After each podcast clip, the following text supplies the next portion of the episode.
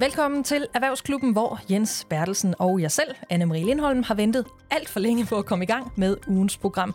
Helt præcis så har vi ventet sådan cirka en dag for længe, fordi øh, vi burde jo være udkommet i går torsdag.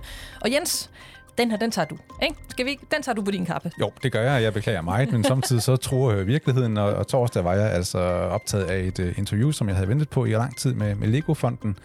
Altså dem, der ejer en fjerdedel af Lego-koncernen, og som jo derfor har rigtig, rigtig mange penge at gøre med.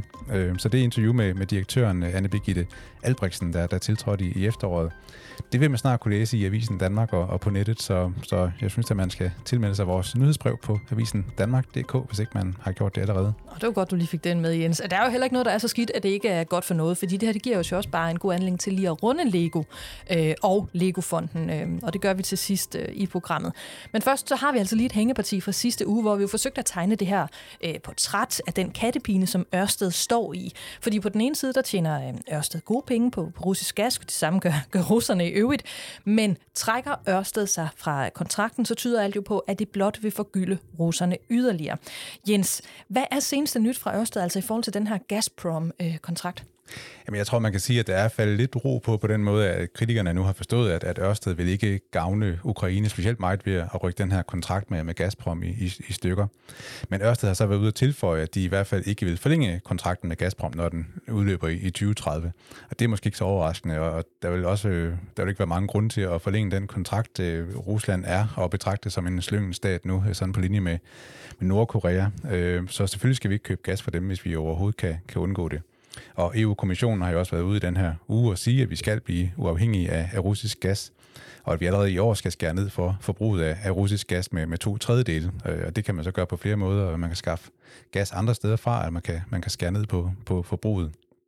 Øhm, der lurer jo så også mulighed for, at der, der kommer sanktioner mod indkøb af, af russisk gas, som vi har talt om. Og så kan jo også slippe ud af kontrakten. Og der er stadigvæk den uh, mulighed, at, at det kommer fra russisk side, at, at de lukker for, for adgangen. Øhm, og den sidste pointe, man kan tage med fra Ørsted, det er så, at de penge, de så tjener de kommende år på at, at videresælge den her gas, den vil de så sende til humanitær hjælp i, i Ukraine. Og det er måske et meget klogt træk for at undgå at, mm. og sådan at, at få at vide, at man har blod på hænderne, fordi man, man tjener penge på, på russisk gas. Der skete jo så også det torsdag, fordi vi valgte at skyde programmet, så kan vi have den her lille ting med. Det kan du bare se. ja, at øh, Ørsted, øh, øh, at de kom i hvert fald ud med, at de har tænkt sig at investere yderligere i den grønne omstilling, og det gør de sammen med Mærsk. Øh, hvad er det, den øh, investering den går ud på? Ja, det er jo sådan en helt anden og noget mere positiv historie. Øh, Mærsk har jo travlt med at skaffe grønt brændstof til sine øh, containerskibe. De har jo bestilt 12 skibe, der, der sejler på metanol, og der har rederiet så indgået en aftale med en, en håndfuld leverandører nu, der skal, der skal skaffe det her brændstof. Og en af dem, det er så Ørsted, som skal i gang med at bygge et øh, Power-to-X-anlæg i USA. Og her skal man så bruge rigtig, rigtig meget strøm fra vindmøller og fra nye solcelleanlæg til at producere grøn metanol. Øh, og Mærsk har jo sagt fra starten, at de vil aftage alt den metanol, som Ørsted kan producere på det her nye anlæg. Så det er jo sådan øh, forhåbentlig i hvert fald et lille solstråle eksempel på, hvordan man kan skabe en masse grøn omstilling, fordi Ørsted de kan investere kraftigt i det her anlæg, øh, og det gør de, fordi de har tillid til, at der er en kunde, der vil aftage det hele. Ellers så var det nok ikke sket, og omvendt øh, Mærsk har øh, Øh, stort behov for at, at købe de her skibe til et brændstof, der nærmest ikke findes i markedet, så for dem er det også vigtigt, at de, de ved, at de har en leverandør, de, de sådan kan, kan stole på. Vi lukker af for Ørsted for nu, fordi øh, i dagens program, der kommer vi til at kigge en hel del på prisstigninger, fordi der i den her uge er blevet sat en lang række nye rekorder. Og nogle af dem kigger vi nærmere på nu. Priserne på benzin slog rekord i denne her uge. Gaspriserne de ligger stadig højt. Torsdag der kom de seneste tal fra Danmarks Statistik over forbrugerpriserne. Også her blev der slået ny rekord. Og det er endda en rekord, som blev sat inden krigen i Ukraine ramte. Louise Akkerstrøm Hansen, privatøkonom i Danske Bank. Hej med dig. Hej. Nu taler vi sådan lidt generelt. Hvordan, øh, hvordan vil du beskrive den her markante prisudvikling, som vi ser, øh, som vi ser lige nu? Altså det er jo øh, lidt et nybrud. Øh, vi skal tilbage til 1989, før vi sidst havde så høj en inflation, øh, som, som den vi havde i februar. Og som du også selv siger, det er altså før øh, de her meget høje energipriser, vi har fået oven på øh, invasionen af Ukraine, før de er kommet, kommet med i tallene. Så, øh, så der er ikke nogen tvivl om, at, øh, at det værste ikke er bag os, når det kommer til inflation. Ja, det var faktisk mit spørgsmål, fordi hvad siger det også egentlig? Altså det, vi står på, hvad, på tærsklen til hvad? Jamen, vi regner med, at, at når vi får tallene fra marts, så er de nærmere sådan noget 5,5-6 procents inflation. Undskyld. Og det er jo virkelig ikke noget, vi har været vant til. Øhm, der skal man altså tilbage til 80'erne for at finde fortilfælde. Så der er ikke nogen tvivl om, at det er altså en lidt en anden, øh, en anden verden, vi står i lige nu. Og hvad er det egentlig, for når vi taler om de her forbrugerpriser, bare lige for at slå det fast, hvad er det egentlig, der falder ind under, under dem? Øh, fordi det er jo rigtig meget af det, vi står og tager udgangspunkt i lige nu under den her snak. Jamen, det er jo et forsøg på at sige, jamen, hvad øh, køber en, en gennemsnitsforbruger herhjemme? Øh, det gør også, at der er sådan noget, du har øh, en vis procentmængde gasfyr og en vis procentmængde fjernvarme derhjemme og sådan noget, hvis man kigger i forbrugerpris, sådan den varekurve, de har med.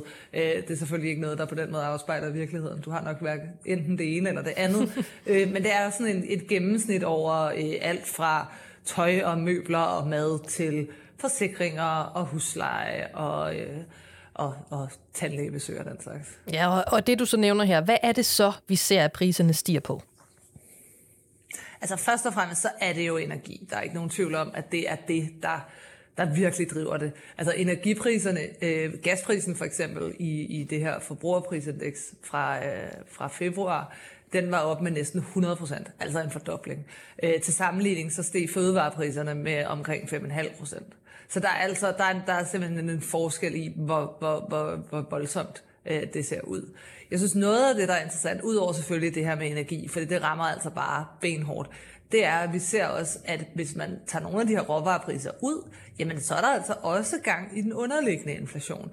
Det er altså også blevet dyrere for eksempel at gå på restaurant, øh, købe møbler, øh, alle sådan nogle slags ting er faktisk også blevet dyrere nu. Og det siger jo et eller andet om, at virksomhederne ikke længere sidder og sådan, så at sige æder den her ekstra regning, der kommer fra, fra energipriserne blandt andet, men jo også, at vi har et meget stramt arbejdsmarked herhjemme. Det skal man jo ikke glemme. Øh, det går rigtig godt i dansk økonomi, øh, sådan grundlæggende set. Øh, men det gør altså også, at mange virksomheder har svært ved at tiltrække arbejdskraft. Og en måde, man jo gør det på, så det er ved at hæve lønningerne, og det skal jo også betales, og i sidste ende, så kan det, kan det blive overvæltet i prisen. Så der er flere ting, der er på spil, men alt sammen er noget, som, som presser virksomhederne, og nu begynder de altså at sende regningerne videre.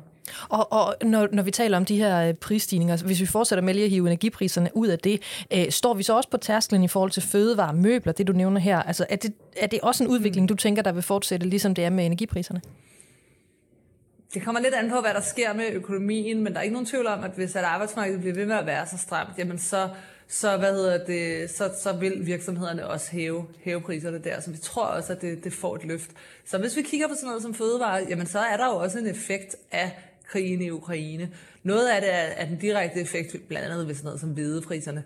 Det er jo ikke sådan noget, der fylder alverden. Altså, og heller ikke når du går ned og køber brød, for eksempel. Så er der alle mulige andre priser. Hvad koster det at få nogen til at lave brødet og tænde for lyset i bageren og alle sådan slags ting. Det fylder meget mere end, øh, end den rå øh, fødevarepris, eller den rå hvedepris.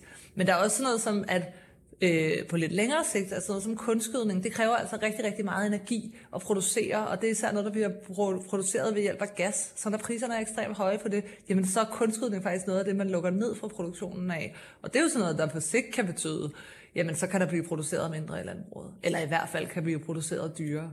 Men man skal også huske, at meget af det, der sker på fødevarefronten især, jamen det er jo noget, der i langt, langt højere grad rammer i de fattige lande. Øh, sådan et land som Ægypten har lige indført, at man ikke må eksportere øh, fødevarer fra Ægypten til andre lande, simpelthen for at holde på det, fordi at ellers så, så kan de ikke klare, hvis der bliver lukket for russisk hvede, eller hvis der ikke bliver produceret lige så meget i Ukraine.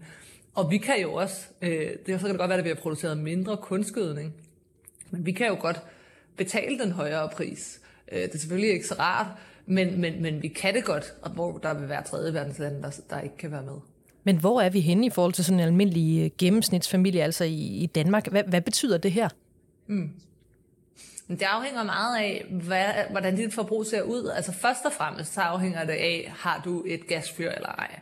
Hvis du har et gasfyr, så har det været en rigtig, rigtig dyr vinter, og den er lige blevet endnu dyrere på grund af den her invasion. Og vi snakker altså ekstra regninger om måneden i 2 til 4.000 kroners klassen sammenlignet med, hvad du måske har været vant til om vinteren. Det er meget, meget voldsomt. Så det er klart dem, der bliver ramt hårdest. Så ser vi jo også, at benzinpriserne de banker i vejret. Nu er det kommet en lille smule mere ro på de sidste par dage, men, øh, men de er altså meget, meget høje. Og det betyder også, at hvis du pendler meget eller er afhængig af din bil, jamen så bliver du også ramt hårdere. Så, øh, så, så man kan sige, at hvis du øh, bor inde i byen og kan cykle, øh, og du måske også farmer med fjernvarme, jamen så er det her meget mindre alvorligt for din private økonomi, end det er, hvis du bor øh, længere ude på landet, har et gasfyr og er afhængig af at kunne pendle, jamen så, så er det nogle meget voldsomme ekstra regninger, du sidder og kigger ind i lige nu. Og ved vi noget som helst om, altså hvor, hvor kan det her ende hen? Altså vi kan godt tale worst case scenario, og så understrege, det er jo overhovedet mm. ikke sikkert, det ender der, men, men, men, men hvor kan det ende hen? Jamen, i, lige nu er det, det værste, altså der er mange meget slemmere scenarier, du ved, vi kan også få atomkrig og sådan noget, men hvis vi, hvis vi ser bort fra det, mm-hmm. øh, så har vi nogle andre problemer, måske end de økonomiske. Øh, så, så sådan noget som, at man helt lukker for russisk gas. Enten at russerne gør det, eller at vi gør det fra europæisk side. Jamen, det vil jo så betyde, at der simpelthen ikke er nok gas.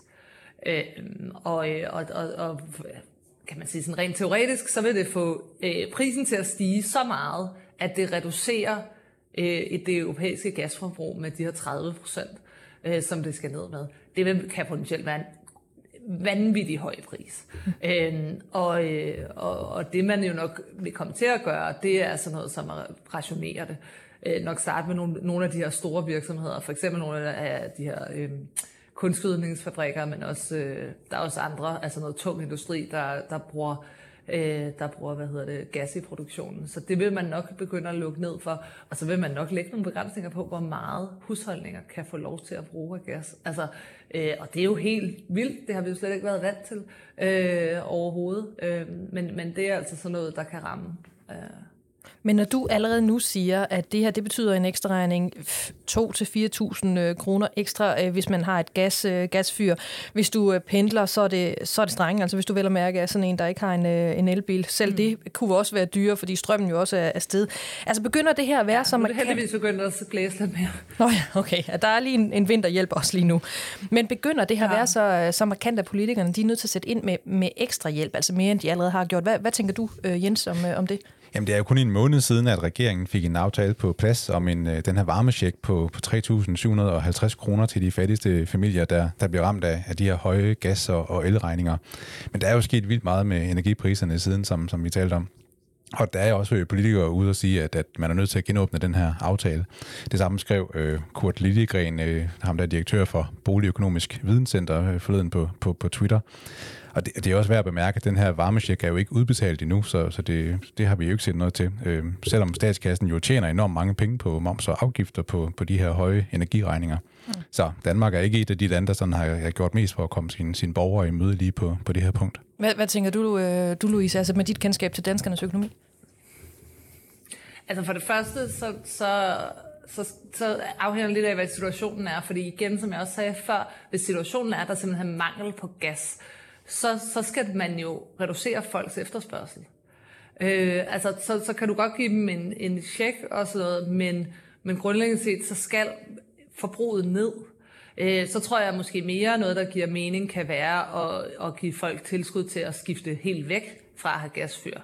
Altså over på varmepumpe, over på, på fjernvarmenettet. Hvis man kan, på nogen måde kan speede den proces op, øh, så, så, så får man også en lidt mere vedvarende løsning øh, på, på det her problem, som ikke, hvor at man ikke bare sender en check, som så i virkeligheden gør, at efterspørgselen ikke falder, og så sætter det sig bare yderligere i priserne.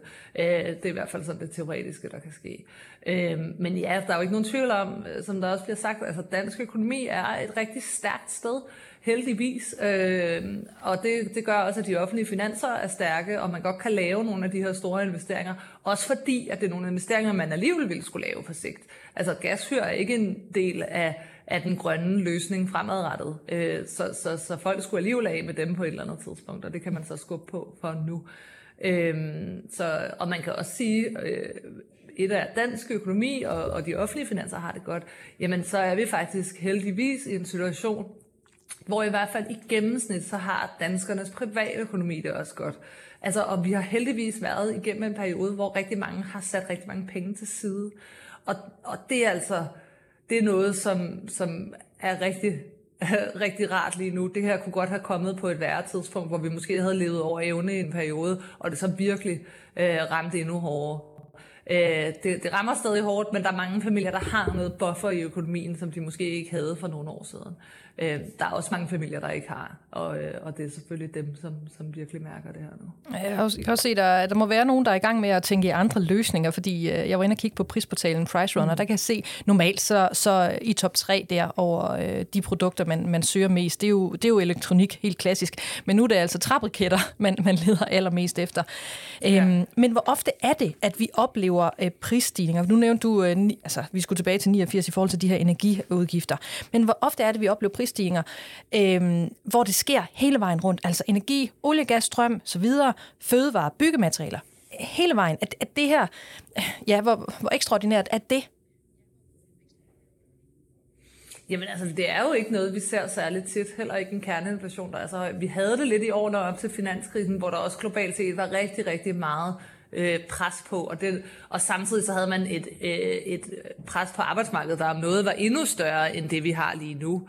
Øh, og der, der så vi altså også, øh, der så vi blandt andet at kerneinflationen, altså den her inflation, hvor man trækker fødevareenergi ud, øh, og som er indlandsskrevet, jamen den var også højere end, end den anden uge. Så det er ikke fordi, vi aldrig nogensinde har set det her før. Vi havde også en periode, hvor fødevarepriserne steg meget. Det var blandt andet noget af det, der lidt op til det arabiske forår. Øh, men der er ikke nogen tvivl om, at, at det er en ret ekstraordinær situation, vi, vi er i lige nu. Det må man bare sige. Og vel bygget ovenpå et udgangspunkt, som, som altså, begyndte med corona. Altså, der var en masse udfordringer, der lige øh, blev, blev taget ja. de første spadestik Præcis. til. Ja. Ja. ja, ja, og det var noget af det, som også gør, at der i forvejen rigtig meget pres i, på systemet. Vi havde jo de her diskussioner af forsyningskæder og øh, og, og, og det, materialepriser og sådan noget. Det var altså før vi overhovedet begyndte at snakke om krig i Europa. Øh, så, så der er ikke nogen tvivl om, og, og det er blandt andet noget af det pres kom fra, at, fra corona og fra noget af den, øh, nogle af alle de penge, man sendte ud til forbrugerne i virkeligheden mange steder i verden. Øh, det var også noget af det, der var med til at give det pres. Louise Akkerstrøm Hansen, privatøkonom i Danske Bank. Tak fordi du var med i Erhvervsklubben igen. Selv tak. Og vi bliver lidt ved de her prisstigninger ved dansk økonomi, hvordan det rammer os danskere, både her nu, men også på den lidt længere bane. Med os øh, her i studiet har vi nu øh, Las Olsen, cheføkonom i Danske Bank. Hej Las. Hej. Den udvikling, vi ser lige nu med prisstigninger, hvor markant mener du det er? Det er meget, meget markant. Øh, det, det er virkelig voldsomt. Og det er selvfølgelig på grund af, at det jo også er en markant og voldsom situation, som vi havnede i med krigen i Ukraine. Altså det er klart, at øh, en krig i Ukraine, det vigtigste ved den er jo selvfølgelig ikke, hvad det betyder for dansk økonomi, men det har en betydning også for dansk økonomi. Øhm, og det er jo ikke så meget fordi, at vi sælger en masse ting til Rusland og Ukraine øh, normalt. Det er faktisk øh, kun omkring 1% af vores samlede eksport, der går til Rusland. Øhm, og det var også blandt andet, fordi der var sanktioner i forvejen tilbage fra, fra 2014. Men øh, nej, effekten kommer faktisk især gennem de ting, vi importerer fra netop øh, især Rusland. Øh, og det er jo øh, ikke mindst en hel masse råvarer, som vi er helt afhængige af i økonomien. Øh, og øh, der er øh, dels nogle ting, der ikke kommer frem. Der er sanktioner, der er, man kan ikke rigtig gennemføre betalinger på nogle områder. Øh, og så er der jo selvfølgelig også bare selve kan man sige, risikoen, som markedet ser det, for at, øh, at, der, der vil, at der kommer afbrydelser øh, på længere sigt, for eksempel gasforsyning og sådan ting. Mm. Øh, og alt det der har jo fået prisen på råvarerne til at stige enormt meget. Og det er råvarer såsom øh, olie og især gas, men det er også alt mulige metaller, øh, nikkel, øh, det korn, hvide. Øh, så, og, og alle de ting, det, det, øh, det rammer jo, øh, som I har talt om, også priserne i Danmark, og dermed også er med til at dæmpe økonomien, både herhjemme og i, i, i resten af Europa. Men hvordan forventer du, at det vil ramme væksten? Altså fordi inden krigen i Ukraine øh, brød ud, der talte vi jo en, en hel del om, at erhvervslivet manglede arbejdskraft, og det kunne gå øh, ud over væksten. Men nu bliver danskernes øh, købekraft vel også ramt, altså på grund af de her massive prisstigninger? Ja, og det er jo så derfor, man kan, altså, når nu det skal være, øh, så er det jo egentlig ikke det værste tidspunkt at, at få sådan en dæmpning i, i efterspørgselen fra virksomhedernes side. Altså selvfølgelig ikke godt, og det er selvfølgelig noget, der trækker ned, men man skal jo huske på, at vi i forvejen, altså de fleste virksomheder i Danmark, de sagde, øh, når man spurgte dem i februar også, øh, jamen så sagde de, at de manglede ikke kunder. Øh, de kunne i for sig sælge alt det, de kunne lave. Problemet var sådan set at finde øh, materialer at lave det af, og folk til at lave det. Øh, og det er jo lige fra, øh, fra industrivirksomheder til, til restauranter. Altså det, det, det, det var ligesom hovedproblemet. Og når så vi nu kommer og oplever en lavere efterspørgsel, fordi folk måske skal bruge flere penge på gas, og så ikke har så meget, de kan bruge på at gå ud og spise, jamen øh, så behøver du ikke at betyde mindre aktivitet faktisk, fordi i forvejen var der for stor efterspørgsel. Altså, det var i forvejen sådan, at folk måtte opgive at bruge nogle penge, de egentlig gerne ville bruge, øh, simpelthen fordi man for eksempel ikke kan få leveret en ny bil, øh, så i hvert fald den, man gerne vil have, at man ikke kunne få bord på restauranten, eller at man ikke kan finde en håndværker til at, at lave det på huset, man egentlig godt vil have lavet. Så altså, øh, det betyder jo så også, at når efterspørgselen så nu øh, kommer til at, at falde på grund af, af de her høje priser, jamen øh, så, så behøver det altså ikke at betyde en lige sådan tilsvarende nedgang i økonomien, som det egentlig ville have gjort altså på et mere normalt tidspunkt. Men hvad er det så, du siger? Altså, hvad er det, det betyder øh, overordnet set for dansk økonomi, det her? Vi bliver ramt, øh, og, og vi kommer til at få altså, lavere aktivitet, end vi, end vi ellers ville have haft. Men, øh, men altså, vi bliver ikke så hårdt ramt, som, som man umiddelbart måske skulle tro, når man ser på, hvor mange penge det faktisk suger ud af lommerne på folk med, med den her lavere øh, købekraft. Øh, så, så på den måde, så, så kommer det altså på et tidspunkt, hvor ja, det, det, det kunne være værre. Øh, og, øh, men til gengæld, så er der jo så også øh, det andet problem, det her med, at, at, vi, at øh, virksomhederne jo faktisk også siger, at de mangler både folk, de mangler også, også materialer og råvarer. Den del af det kan jo blive værre. Øh, og det kan vi se, for eksempel de tyske bilfabrikker, der i forvejen er hårdt øh, presset af alle mulige ting. De siger, jamen nu mangler de også nogle komponenter, de plejer at få fra Ukraine for eksempel, og noget, nogle, noget metal eller et eller andet, de skal bruge fra, fra Rusland. Og, og, det, og det kan jo så sætte deres produktion endnu mere i stå, og, og faktisk forværre den del af, af problemstillingen. Så øh, ja, igen, det er jo ikke godt, øh, men, men, øh, men også der, der, der er sådan Danmark, vi står lidt bedre end så mange andre, fordi vi faktisk ikke bruger lige så meget energi i vores produktion, og vi bruger faktisk heller ikke lige så meget øh, gas og olie og sådan noget i, i vores forbrug. Så sådan, ja, vi, vi, er lidt, vi er lidt beskyttet, og vi er lidt øh, hjulpet af, at vi har det der enormt stærke opsving i, i forvejen. Så selvfølgelig er det negativt, øh, også for dansk økonomi, men det er altså ikke så negativt, som, som det egentlig ville være i en normal situation, og som vi også kommer til at se i andre lande. Altså jeg læste en kommentar, du har skrevet til øh, Finans, øh, hvor du skriver, at det helt store spørgsmålstegn lige nu, i hvert fald i den her forbindelse, det, det, er, det er hængt op på renten. Altså hvad er det, der er i spil her? Ja. Ja, og det er så en anden måde, det i virkeligheden betyder noget, fordi øh, vi er jo i forvejen, altså før krigen øh, startede, så, så var vi jo i sådan en situation, hvor man sagde, okay, vi, vi er ved at få lige lovlig høj inflation. Øh, og det fik vi jo så også bekræftet, da vi fik de her februartal øh, nu, nu her i, i går, som, som viser, altså øh, ja, inflationen i Danmark er, er op på 4,8 procent, og, og det er ikke kun energipriserne, der stiger, det er faktisk øh, nu øh, også meget mere bredt. Øh, så, så, så altså, vi, vi begynder at have den her høje inflation, og det gælder jo i endnu højere grad også i resten af Europa. Og det betyder jo, at man skal have højere renter. Øh, og det, den proces er så også i, i gang. Men på den anden side, så en krig, øh, det taler faktisk for lavere renter, fordi det skaber jo økonomisk usikkerhed, og det skaber den her ja, lavere aktivitet, øh, fordi folk har færre penge at, at bruge. Øh, og, og det er jo så det dilemma, som for eksempel den europæiske centralbank står med. Og det kunne man meget tydeligt se også på det møde, de havde i denne her uge, hvor de faktisk er ude og lave en lille opstramning af deres øh, samlede politik. Altså de er ude og ligesom sige, ja, vi, vi, øh, øh nogle af de her obligationsopkøb, vi laver, dem afslutter vi lidt hurtigere, end vi, end vi faktisk førhen havde øh, planlagt. Og det, øh, og det gør de altså, fordi inflationen er så høj. Men, men de skal ligesom prøve at ramme den rigtige balance, og det er utrolig svært.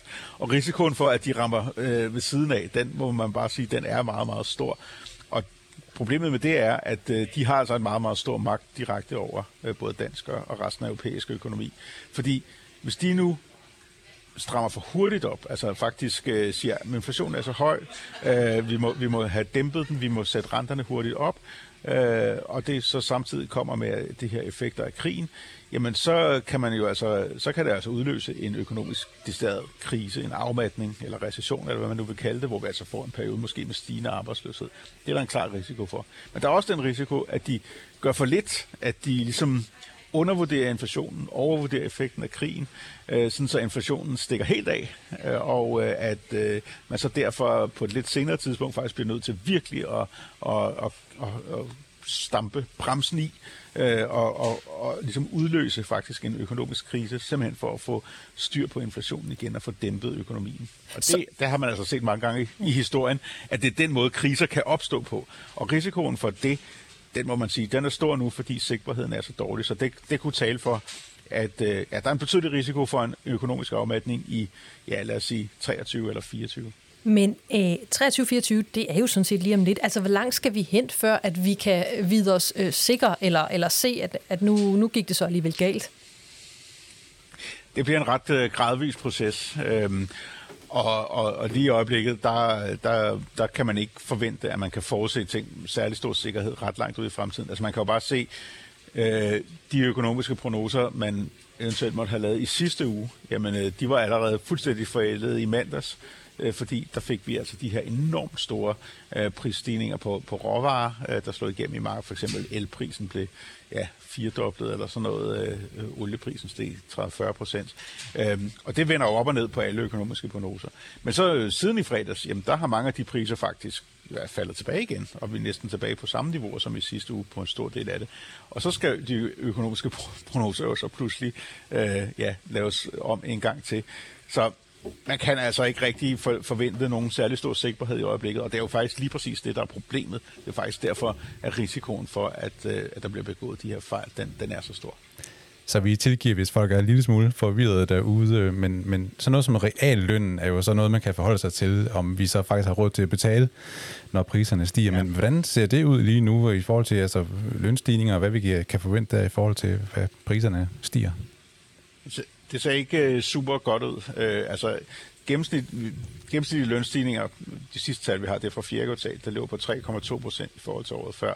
Uh, det kan godt være, at det er taget lidt til her i, øh, i år, men stadigvæk, øh, det skal tage meget til, hvis det skal hamle op med en inflation, der er oppe på 4,8 procent.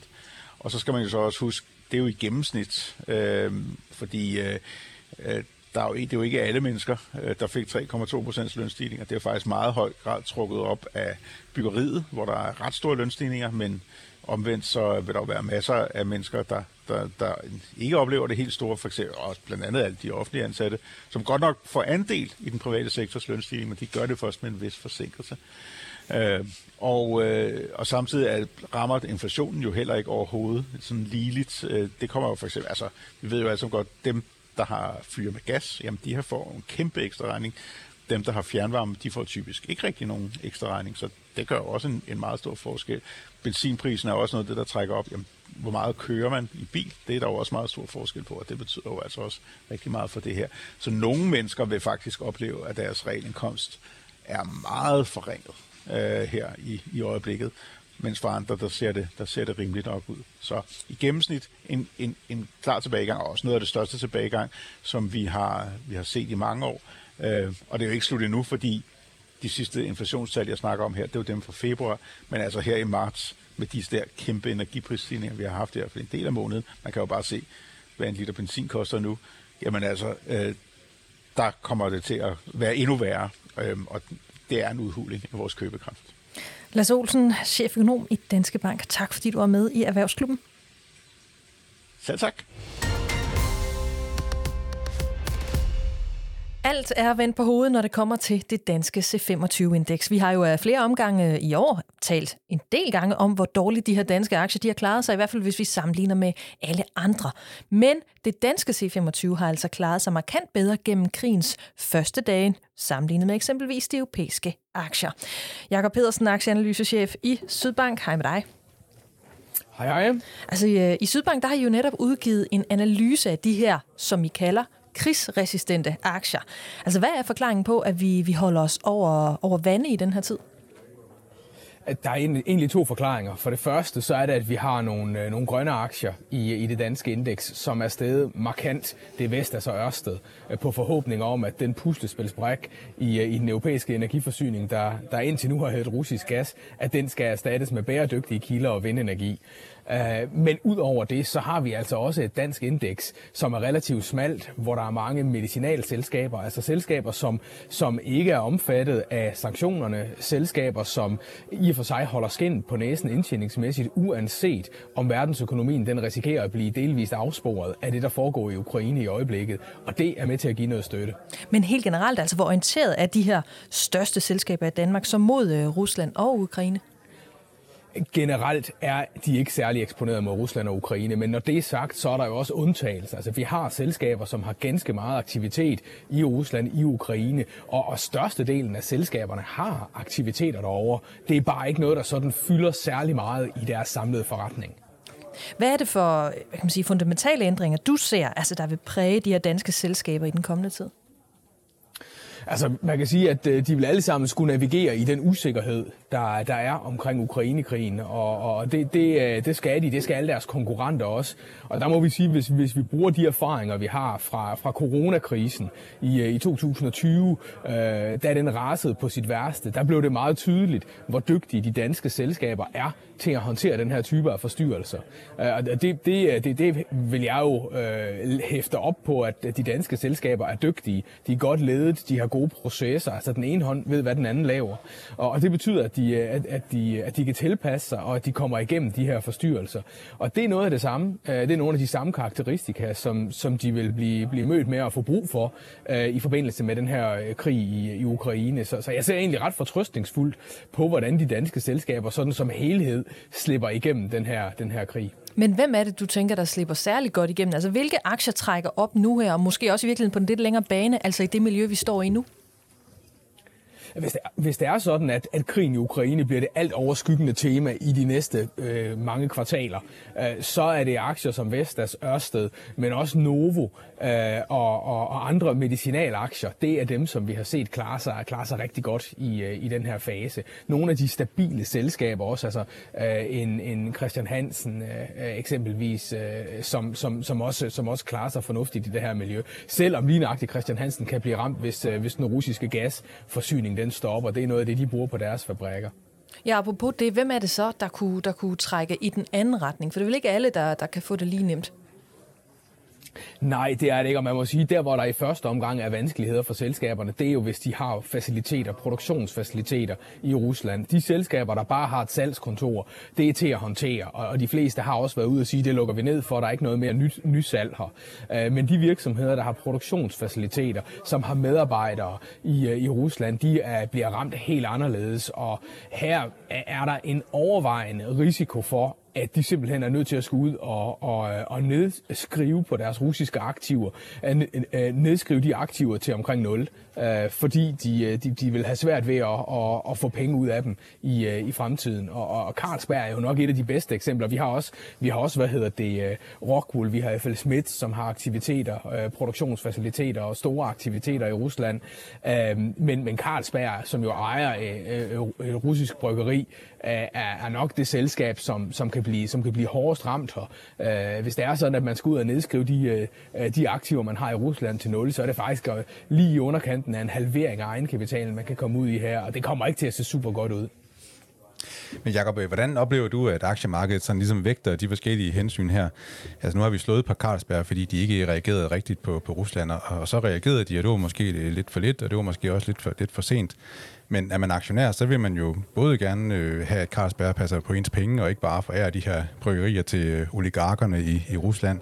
Og på den anden side, så vil alle også gerne være håndfaste over for, for, øh, for Rusland. Altså, hvordan, øh, der er lidt kynisme i, i det marked her. Hvordan øh, synes du, man afvejer de der hensyn? Jamen, jeg, jeg, jeg vil egentlig sige, at jeg synes egentlig, i, for, i forhold til, hvad der, er fundamental, hvad der fundamentalt kan ligge, altså af indtjeningsproblemer eller muligheder for selskaberne, så synes jeg egentlig, at de kursreaktioner, vi har set, har været, har været øh, lige efter bogen. Det har været rygmavsreaktioner. De selskaber, som, som har aktiviteter, som kan blive ramt, de, de, øh, de bliver sænket i, i kurs og falder i kurs, hvorimod de selskaber, som kan få noget ud af det her, dem er der ikke ret mange af. Vestas og Ørsted er to af dem, jamen de, øh, de buller der ud af.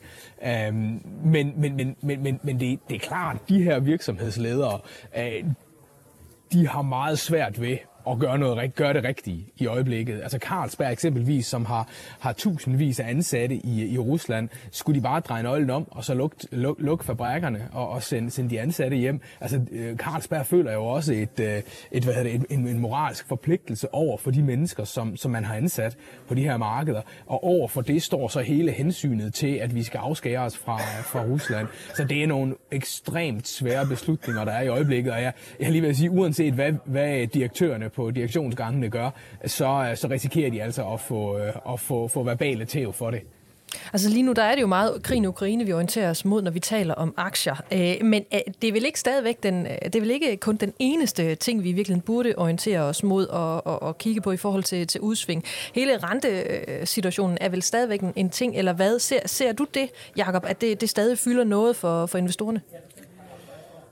Øh, I, her over de sidste uger har det ikke fyldt ret meget, men det kommer det til igen. Øh, øh, jeg har en helt klar forventning om, at investorerne kommer til at lære at leve med det, der foregår i Ukraine, uanset hvor ubehageligt det er. Og, og, og, og det, der, det der på trods af, hvad der foregår i Ukraine, er mejslet i sten, det er, at vi får de pengepolitiske opstramninger. Det har vi hørt fra den amerikanske centralbank Fed. Vi har også øh, så sent som i går hørt det fra, øh, fra den europæiske centralbank. Der bliver strammet op, og, og i det miljø, der kan vi altså godt komme tilbage i en, i en, øh, i, i, i, på et aktiemarked, hvor det er sådan, at de danske aktier vil få det svært. Øhm, fordi vi har mange af kvalitetsaktier, der er dyrt prisfastsat. Og, og det så vi i begyndelsen, det, det, det så vi i og for sig i januar, at de danske aktier havde svært ved at holde skinnet på næsen. Øh, det var nogle af dem, der faldt mest, øh, når det er, er rentefrygten, der ligesom øh, har tag i markedet. Det er det ikke i øjeblikket, der er det krigsfrygt, men, men i takt med, at den, den stille og roligt vil aftage hen over de næste forhåbentlig uger, øh, i, i værste fald måneder eller kvartaler, øh, så vil, øh, så vil vi stadigvæk øh, ligge i, i, i et aktiemarked, hvor de her rentestigninger de kommer, den pengepolitiske opstramning kommer, og det vil kunne gøre ondt på, på nogle af de danske aktier. Så altså det danske C25, som klarer sig i, med, med et fint lille plus i, i den, her, den her tid. Altså det, det, det vurderer du, det er, sådan, det er, på, den, det er på den korte bane? Ja, det, det, det, det, øh, jeg ser det som, som, øh, som midlertidigt, og, og har stadigvæk en forventning om, at man faktisk får et lidt bedre, lidt bedre afkast, hvis man køber europæiske aktier hen over det næste år, end hvis man køber danske. Men, men det er svært i øjeblikket, fordi vi, der er krig i Europa, og det er umanerligt svært, også for en aktieanalysechef at vurdere, mm. hvor længe og hvordan det kommer til at udspille sig. Ja, det er svært for alle, nærmest ligegyldigt, hvad vi, hvad vi taler om. Jakob Pedersen, aktieanalysechef i Sydbank. Tusind tak, fordi du var med i Erhvervsklubben igen. Ja, velbekomme. Det er en fornøjelse. Vi tager hul på den sidste del af programmet nu, fordi i den her uge, der leverede Lego et uh, rekordregnskab. Men det var altså et regnskab, som Lego helt selv valgte at gå yderst stille med døren med. Jens, du dækkede regnskabet. Hvordan oplevede du det? Jamen, øh, det var en rekord. De rundede 50 milliarder i omsætning for første gang. Øh, 55 milliarder nærmere bestemt. Og så er de jo faktisk på vej ind i, i top 10 snart øh, over de største danske selskaber. Og det er ret vildt, når man tænker på, at de jo groft sagt har et produkt, nemlig Lego-klodser. Øhm, jeg var også tilbage og kigge for et år siden, hvor topchefen Niels B. Christiansen talte om, om sine forventninger til, til 2021. Dengang var der altså stadig corona i luften, og han havde lige fremlagt et, et rekordregnskab for, for 2020. Og nu talte han så om sådan en beskeden et cifret vækst i, i 2021. Og så ender han så med at levere 27 procent vækst, altså over en fjerdedel, og lægger han oven på sin forretning, ovenpå en i forvejen temmelig vild øh, vækstrejse. Så, så jo, de er virkelig gode til at eksekvere i, i Bilund. Øhm, de kommer med de rigtige produkter, men de er også i stand til at få dem produceret og få dem øh, transporteret og solgt, og selvom hele verden er ramt af, af forsyningskrise. Så, så jo, det er en, en ret øh, god historie. Men hvorfor var det så, at de gik så stille med dørene, når nu det gik så godt?